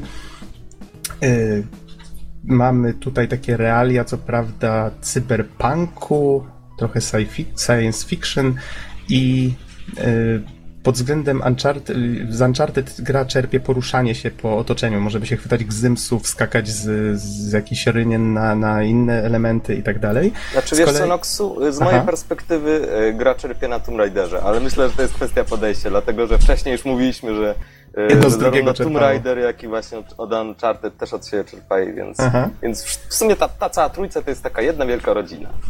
To, to może w takim razie powiem tylko y, tak gameplay, z czego się składa, żeby przejść potem do samego klimatu, bo myślę, że to was najbardziej interesuje. Czyli mamy tutaj właśnie te elementy spinaczki, mamy walkę, która przypomina troszeczkę te ostatnie Batmany tą podserię Arkham, y, czyli walka wręcz, takie e, efektowne ciosy, bardzo szybkie animacje. Y, I do tego jeszcze mamy tutaj motyw remiksowania wspomnień, który no tutaj ciężko go pominąć w tej kwestii. No i tu przechodzimy do meritum sprawy, czyli właściwie o co w tej grze chodzi, jakie, jakie tu mamy realia. Mamy przyszłość, to jest 2084 rok. Akcja dzieje się w Neo-Paryżu, więc Czy jest wieża Eiffla? W Nowym Paryżu. Tak, widać wieżę Eiffla, chociaż są tu takie elementy znajome, ale miasto faktycznie sprawia wrażenie, jakby dużo przeszło. Tutaj historia tego świata jest opisana, znajdujemy różne takie notatki, inne tego typu elementy, możemy się z tym zapoznać, choć nie musimy oczywiście. I to są takie backstory, które jak ktoś jest zainteresowany światem, to tam jest historia, co się działo, opis technologii, postaci i można się tam między innymi dowiedzieć, że tam jakaś wojna w międzyczasie się wydarzyła, jakieś kataklizmy, więc miasto no, miało powody, żeby się odbudowywać po tym wszystkim i widać, że się znacznie, znacznie różni, chociaż są te takie kluczowe elementy, można je w niektórych miejscach rozpoznać. A już na samym początku zwiedzimy Bastylię a mianowicie będziemy mieli okazję z niej uciec. W ogóle początek gry jest całkiem fajny, bo nie widać nas tutaj żadne intro czy coś w tym rodzaju, tylko zaczynamy nową grę i ukazuje nam się jakaś taka reklama. Widzimy jakąś bodajże dziewczynę, pamiętam, że tak, to, to, to jakaś dziewczyna opowiadała swoje y, wrażenia skorzystania z jakiegoś y, no właśnie on tak opowiada, opowiada i w pewnym momencie zdajemy sobie sprawę, że ona opowiada o, o wspomnieniach, o tym, że można je wymieniać, że, że można dzielić się wspomnieniami z bliską osobą. Potem pojawiają się kolejne osoby, właśnie mówią o tym samym, tylko że e, jakby mówią o różnych zastosowaniach takiej technologii wymiany wspomnień, że to jest fajne, że to jest takie wspaniałe, że, że sprawia, że życie staje się jeszcze fajniejsze. No a potem akcja przenosi się do naszej bohaterki, której właśnie ktoś, tą samą, używając tej samej technologii, czyści pamięć. No, mamy tutaj motyw amnezji, który wiadomo jest już wytarty na wszystkie możliwe sposoby. Dobra, czyli jest amnezja, jeszcze tak. czy jest do tego mroczny obłęd? Yy, mrocznego obłędu nie ma, ale jest taki bardzo fajny klimat yy, takiego takiego brudnego sci-fi, właśnie takiego cyberpunku, strasznie mi się podoba to, jak prolog tej gry jest zrobiony, mm, jak narracja jest poprowadzona, to jak postać się porusza, y, akcje widzimy z trzeciej osoby oczywiście i, i widzimy właśnie te animacje, to jak ta postać się, wiesz, jest jak obolała, idzie powoli, czyli jakby mm, sposobem poruszania się postaci jest tutaj prowadzona narracja też na początku. Zresztą podobne chwyty były już stosowane w Uncharted czy innych tego typu grach. I tu jesteśmy powoli właśnie wprowadzani w ten świat. Wydostać nam się z Bastylii pomaga niejaki Edge, który jak się okazuje razem z Nilin wcześniej ro robili w rebeliantce, która się sprzeciwia firmie, takiej korpora mega korporacji, która y, kontroluje właśnie za pomocą tych produktów y, wspomnienia ludzi. Ogólnie rzecz biorąc, ta technologia opiera się na tym, że każdy człowiek ma wszczepione jakieś takie implanty, które sprawiają, że ma na karku taki, taki interfejs dostępu, coś w tym rodzaju i ludzie dzięki temu mogą się łączyć ze sobą tak jakby łączyli komputery. Możesz wymieniać wspomnienia tak jak pliki, coś w tym rodzaju. No i jest grupa osób, które, no, tak jak hakerzy, zajmują się po prostu okradaniem ludzi z tych wspomnień. I są tacy, no, nie jestem pewien, chyba bohaterka jako jedyna ma taką umiejętność remiksowania wspomnień, czyli ona potrafi wmówić komuś, że stało się coś innego niż pamięta. I, i to jest taki, taki element y, fabularny, który jest co prawda bardzo rzadko w grze wykorzystywany, ale został bardzo fajnie zrobiony. To polega na tym, że... Bardzo rzadko wykorzystywany, ale był jako pierwszy promowany. E, tak, bo jest mimo wszystko... Chyba praktycznie na... jako jedyny. no tak, to prawda. Wiesz, bo to jest taki, taki element, który faktycznie jest bardzo oryginalny, ale jednocześnie jest... Ym jest ściśle związany z fabułą. No, mimo wszystko gra ma zamkniętą strukturę, ona jest w 100% liniowa. Po prostu tak jak Uncharted, lecimy przed siebie i śledzimy fabułę, śledzimy wydarzenia. Y, wszystko, co się dzieje, to jest właściwie narracja i, i, i nie ma tutaj żadnych jakichś otwartych terenów, czy możliwości pójścia w lewo, czy w prawo. Po prostu śledzimy akcję i, i patrzymy, co się dzieje. I to remiksowanie wspomnień jest po prostu mechanizmem, które nam przedstawia tą fabułę. Zwłaszcza w późniejszych częściach gry muszę przyznać, że świetnie to wykorzystano do tego, żeby nam pewne zwroty akcji przedstawić. Bardzo mi się to podobało. E, z kolei jak wygląda takie remiksowanie wspomnień? Mamy taką scenę, która jest tak jakby wyrwana z kontekstu. No mamy na przykład gościa, który leży na, w jakimś takim stole szpitalnym i jak, jakaś operacja się odbywa, coś w tym rodzaju. I my mamy, i, i to jest scena, którą pamięta jego żona, która tam powiedzmy obserwuje całą tą scenę z zaszyby. I my na przykład musimy wmówić jej, że ten mąż nie przeżył tej operacji.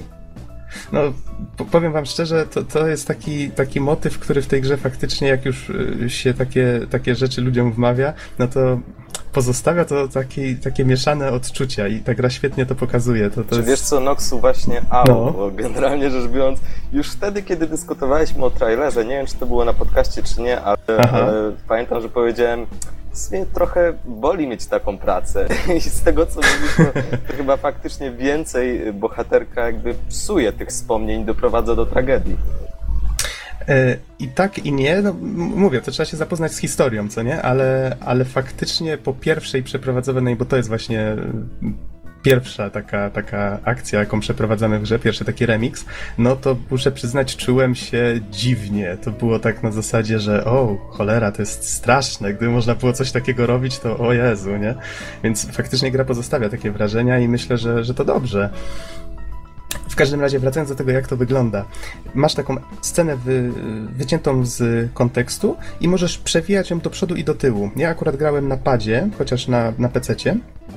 I w przypadku pada działa to w ten sposób, że lewą gałką kręci się kółka lewo albo prawo. No, całkiem wygodne. Słyszałem, że na klawiaturze jest to mniej wygodne akurat w tym przypadku. I obserwując tą scenę, jeżeli na przykład wolniej kręcimy gałką, to wolniej przewijamy akcję i w, w pewnych momentach musimy wyłapywać takie takie glicze w pamięci, coś w tym rodzaju. To są takie fragmenty, które możemy zmienić. Czyli na przykład y, gdzieś tam stolik temu lekarzowi przesunąć, albo mu lekarstwa podmienić, albo coś tam jeszcze innego zrobić. I cały, y, cały mechanizm polega na tym, że musimy zrobić to w odpowiedniej kolejności, czyli może inaczej. Jeżeli cofniemy się na przykład na początek, włączymy coś, to to już jest aktywne do samego końca. Ale jeżeli cofniemy się przed to, co żeśmy uaktywnili, to tam to się odaktywnia. Innymi słowy, musimy uaktywnić odpowiednią kombinację tych, tych rzeczy, żeby potoczyły się wydarzenia tak, jak chcemy. No, może brzmi trochę skomplikowanie, ale jest naprawdę proste i już za pierwszym razem człowiek mniej więcej się orientuje, jak to, z czym to się je. Mam jedno pytanko. Czy, znaczy podejrzewam, że odpowiedź będzie tak, ale czy jest tylko jedno rozwiązanie do takiej zagadki? Y, tak, ale jeżeli się wypróbuje inne rozwiązania, to one po prostu nie potoczą akcji do przodu. Pojawi się informacja, że nie osiągnąłeś tego, co chciałeś, musisz przewinąć wspomnienie do tyłu i spróbować jeszcze raz.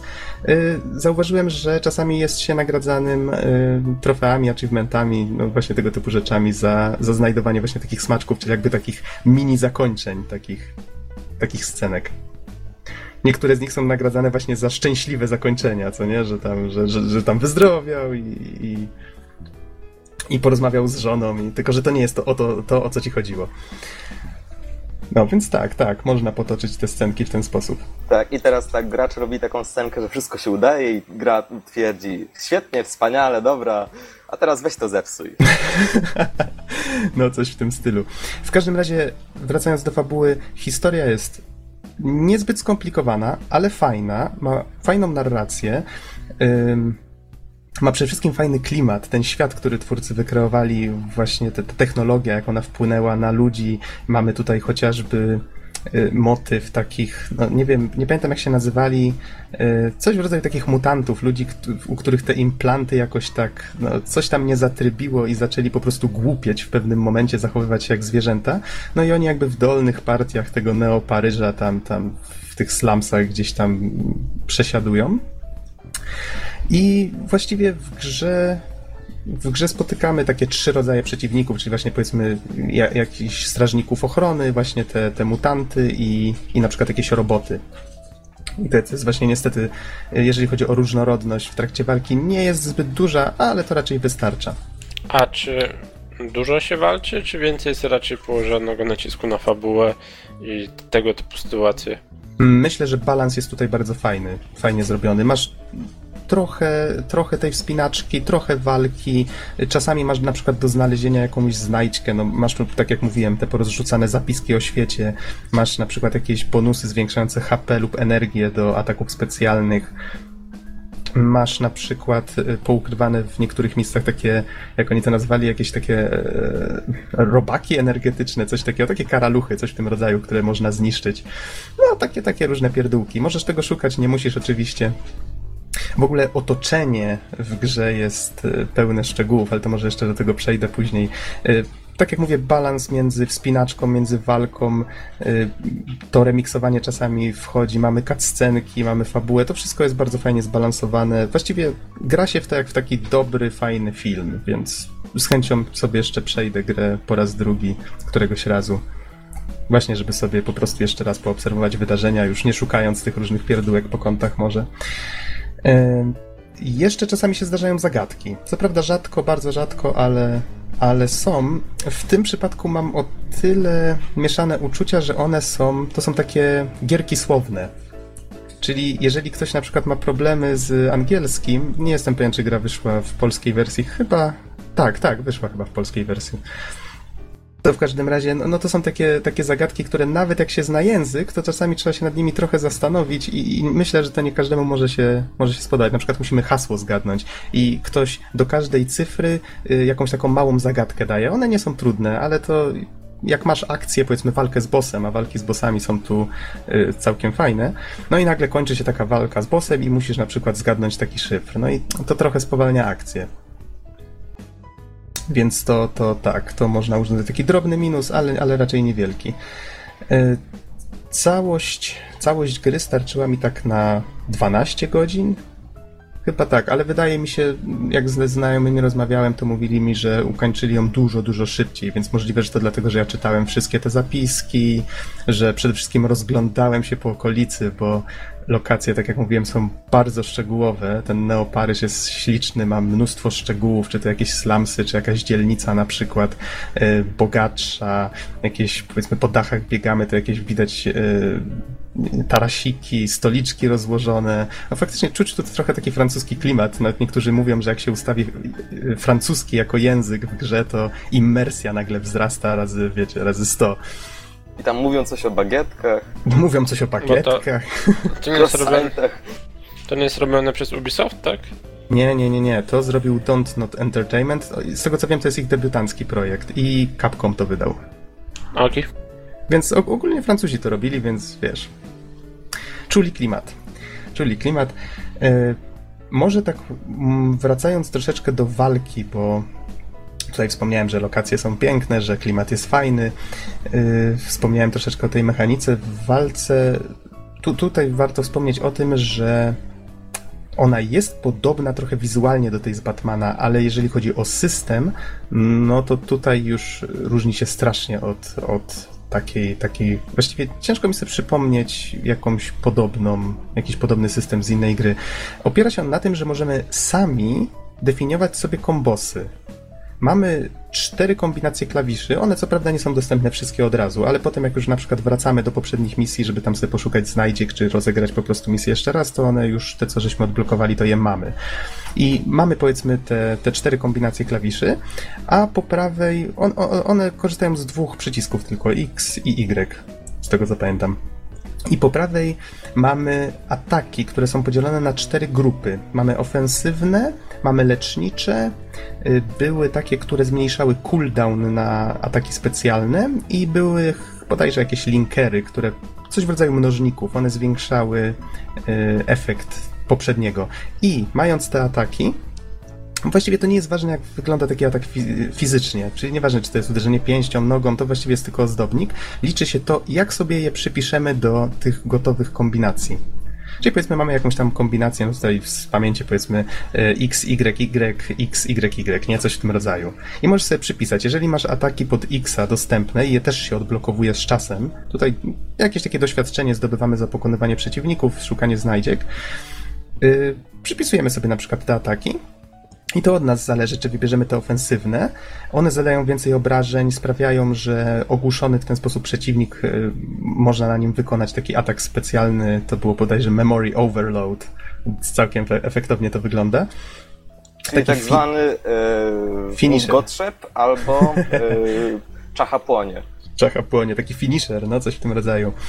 E, i mamy lecznicze, no, które, jak sama nazwa wskazuje, służą do leczenia się i to jest jedyny sposób w trakcie walki, jakim możemy się leczyć. To jest bardzo fajne, bo zmusza nas do tego, żeby popełniać mniej błędów, zadawać mniej obrażeń, ale po to, żeby się wyleczyć. I możemy sobie tak ustawić, że jeden, jeden kombos na przykład służy do e, przede wszystkim rozwalania przeciwników, a drugi nam służy do tego, żeby się uleczyć.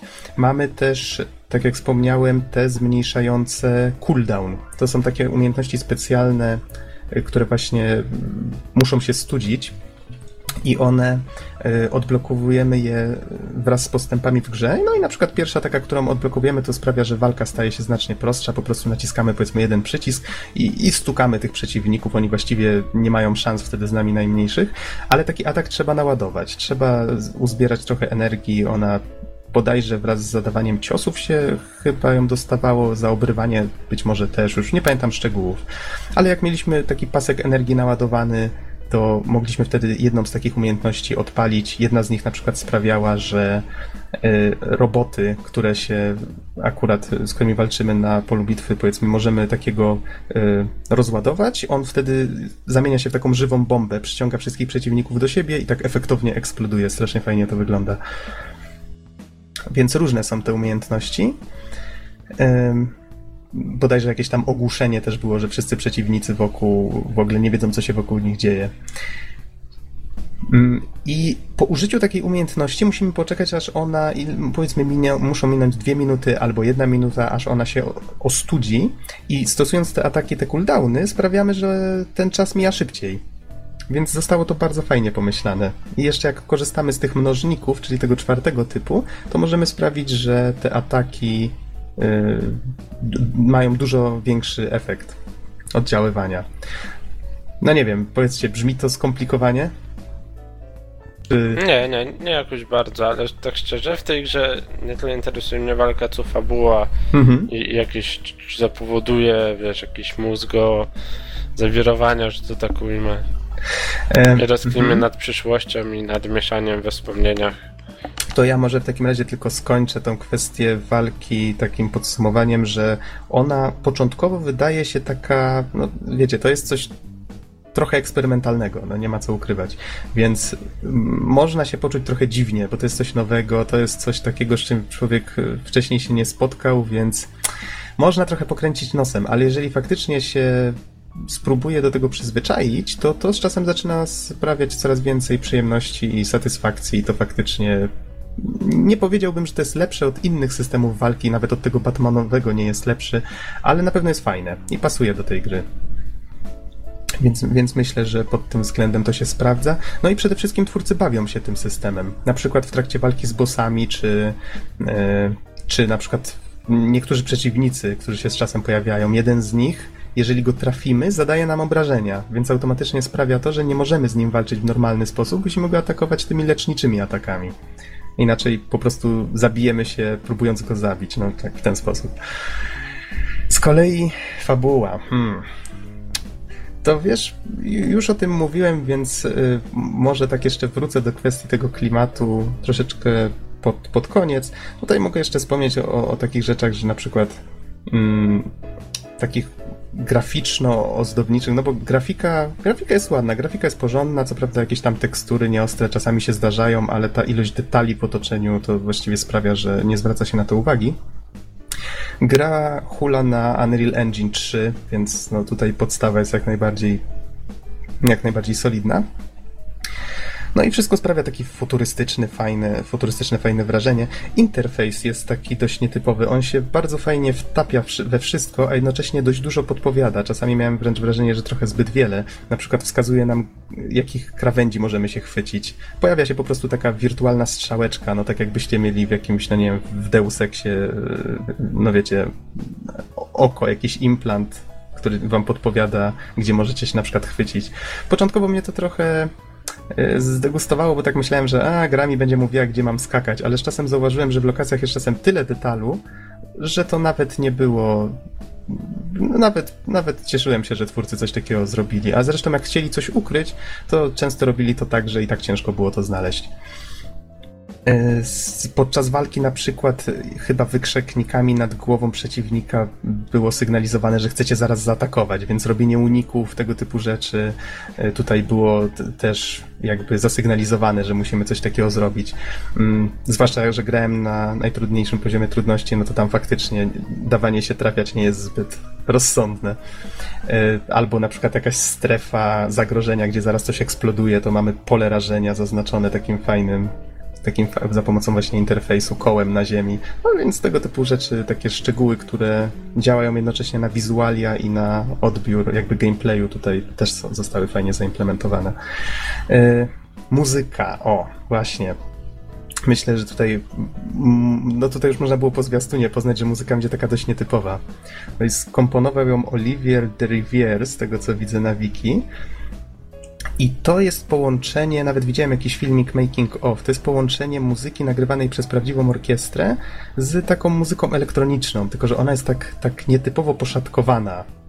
Tutaj w jakimś wywiadzie nawet kompozytor stwierdził, że starali się razem z producentem znaleźć jakiś taki nietypowy nietypową formę tej muzyki, żeby ona się tak wybijała. No i faktycznie tutaj jakbyście usłyszeli jakąkolwiek muzykę z Remember Me, to właściwie y, od razu mówicie tak, to jest Remember Me, więc myślę, że udało im się to osiągnąć. To trzeba po prostu posłuchać. Ta, ta muzyka sprawia wrażenie, jakby była taka zgliczowana. To jest chyba dobre słowo.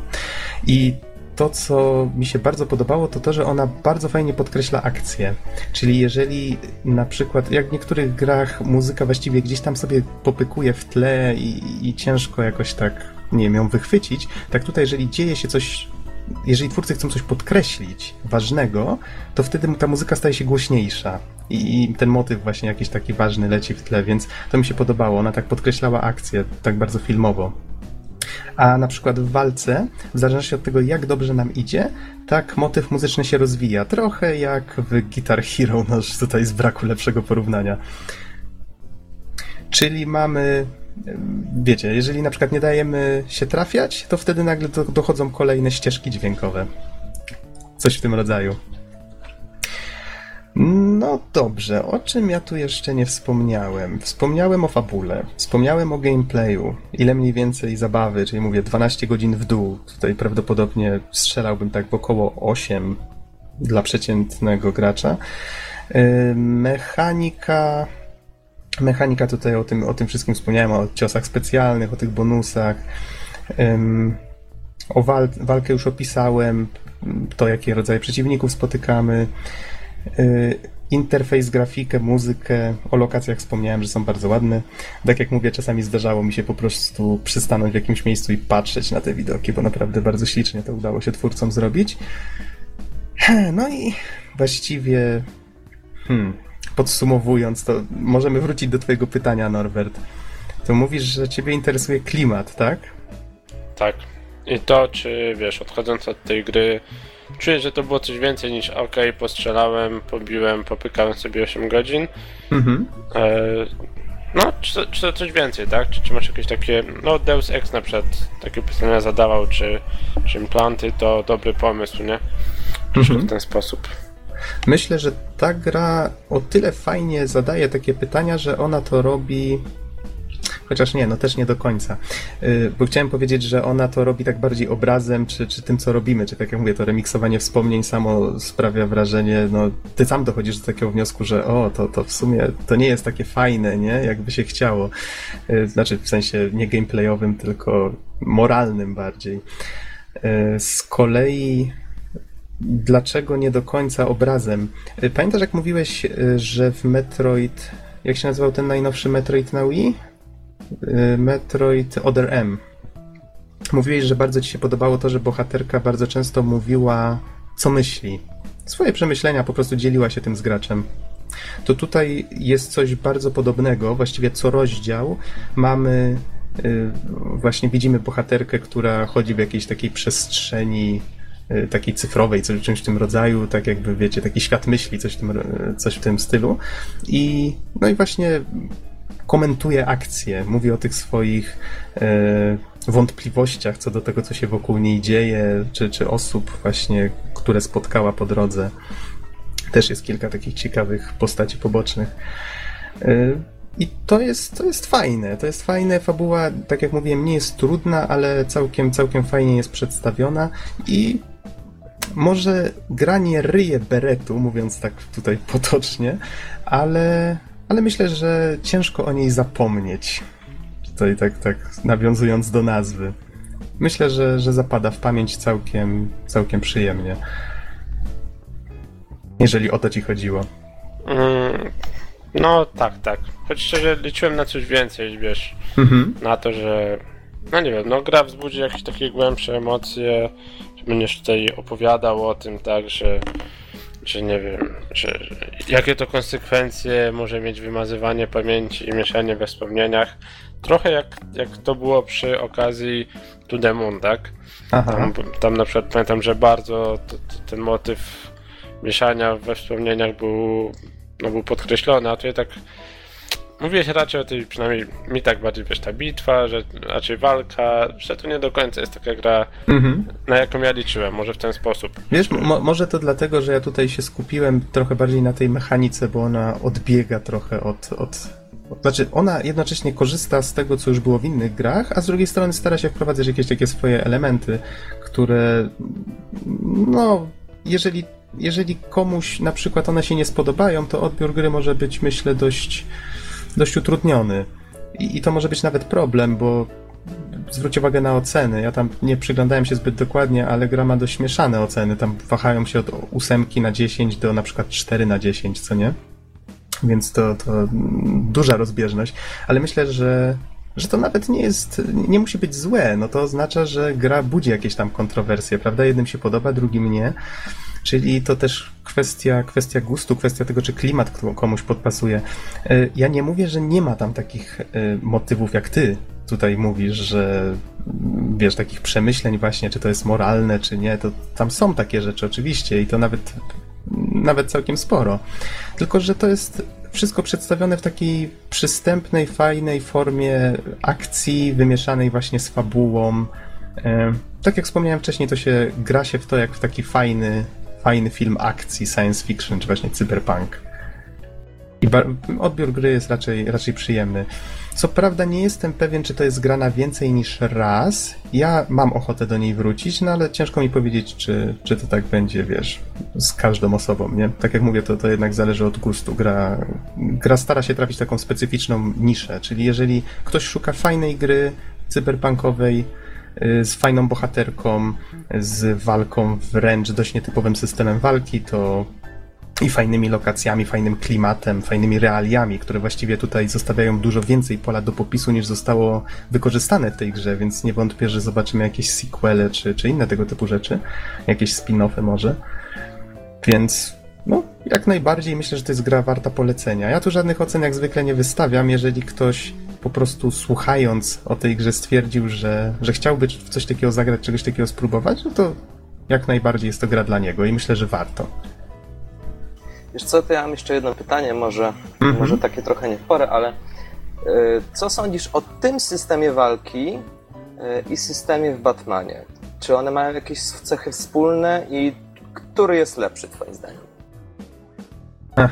Zadałeś bardzo trudne pytanie. Wiesz, przede wszystkim ja w Batmana to ostatnio grałem, no przynajmniej kilka miesięcy temu. Ha, więc ciężko mi tu jednoznacznie odpowiedzieć. Na pewno ten w Batmanie był. On był bardziej. Hmm.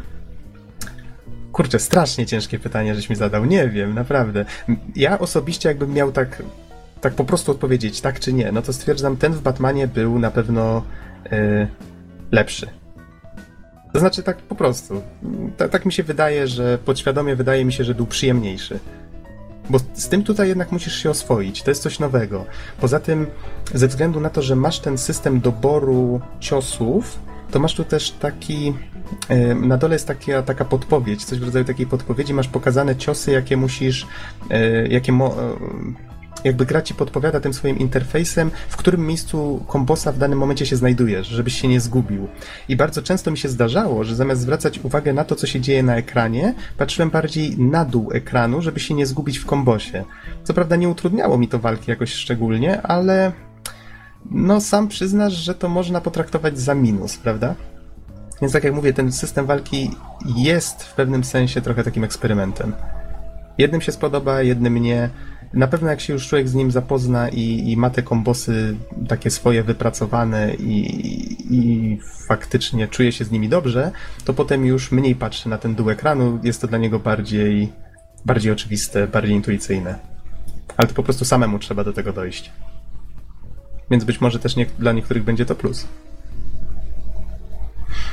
No dobrze, panowie, czy macie jakieś pytania jeszcze? Ja mam jeszcze jedno pytanie. W zasadzie ująłeś mniej więcej kwestię fabuły e, w, e, w recenzji sami właściwie, ale tak naprawdę w zasadzie wiemy tylko tyle, że bohaterka budzi się bez pamięci i, i nagle musi, no właśnie, wykonywać różne questy, czyścić pamięć i walczyć z przeciwnikami. A mógłbyś jakby troszeczkę bardziej oświecić ten temat? Mhm. To Tak, znaczy... tak, żeby oczywiście unikać spoilerów, ale, ale Tak, tak, coś, tak. coś może więcej. Aha. To jest przede wszystkim historia o szukaniu swojej przeszłości. Czyli jakby na tym to jest główny wątek, że bohaterka próbuje sobie przypomnieć, kim jest i wiesz, jakie jest jej miejsce w świecie, prawda? Y, Z kolei jakby inny wątek, y, też związany bezpośrednio z bohaterką, no to jest właśnie ta rebeliantka, czyli czyli walka właśnie z tym nadużywaniem, nadużywaniem władzy, nadużywaniem tej kontroli nad wspomnieniami, między innymi wykorzystywanymi w tej Bastylii, którą zwiedzamy już na samym początku, gdzie każdy więzień jest pozbawiany na przykład pamięci, jak wchodzi do więzienia, żeby nie pamiętał, że istnieje jakiś świat zewnętrzny, żeby nie miał, wiesz, tęsknot za tym, że po prostu tam, tam w, w tym więzieniu y, chodzą bez, bez kajdan, bez cel, bo i tak nikt nie chce uciekać. Więc są tam takie fajne motywy właśnie związane z tym, z tą kontrolą pamięci, z tą wymianą y, wspomnień.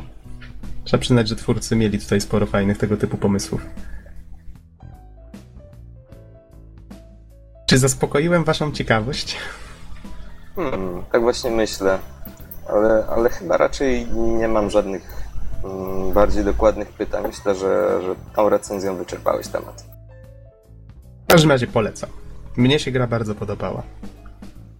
Kurczę, fajnie, fajnie, że, że tylu tych gier, ale niestety to już będzie jakaś tam produkcja, której, w którą nie zagram z, z nadmiaru po prostu gier. Mhm. Chociaż Wiesz, fajnie, podoba mi się, podoba mi się dość ten, ten system walki, o którym mówisz, zresztą widziałem go już na, na kilku filmikach. To składanie sobie tych własnych kombosów do swoich potrzeb y, wydaje się fajne. Zresztą w ogóle gra wydaje się sympatyczna. Mhm. Tylko Jeżeli- szkoda, że, że taki nadmiar tych wszystkich produkcji. Ja, jestem, ja już odpuszczam. Muszę przychodzić to, co mam. No, to też prawda. Ale wiesz, mnie tutaj ujęło to, że właśnie twórcy starali się jakiś taki ciekawy klimat y, przedstawić. No i poza tym brakuje jakoś tych takich fajnych gier cyberpunkowych. Trochę mało ich. Jak tak pomyślę, to, to chyba Deus Ex Human Revolution w ostatnim czasie tylko taki najfajniejszy wyszedł, no i CD Projekt Red tworzy cyberpunka, a, a tak to co jeszcze wyszło takiego Hard wartego uwagi? Reset na przykład. No tak, ale to jest jednak taka, ja szukam bardziej takich, wiesz, fabularnych gier, na tamto to Mhm, była taka typowa gra raczej akcji. taki Quake. No, no, dokładnie, dokładnie. Więc to nie to. To nie to. Ja tutaj szukałem właśnie takich filmowych wrażeń i dokładnie to otrzymałem. Dużo fajnego gameplayu, dużo fabuły. I raczej się nie zawiodłem. No dobrze, panowie. Myślę, że skoro nie macie już więcej pytań, to nie ma co przedłużać. W takim razie dziękujemy wszystkim bardzo za słuchanie i do usłyszenia w, następnej, w następnym podcaście. No, trzymajcie się. Cześć. Na razie. Siema.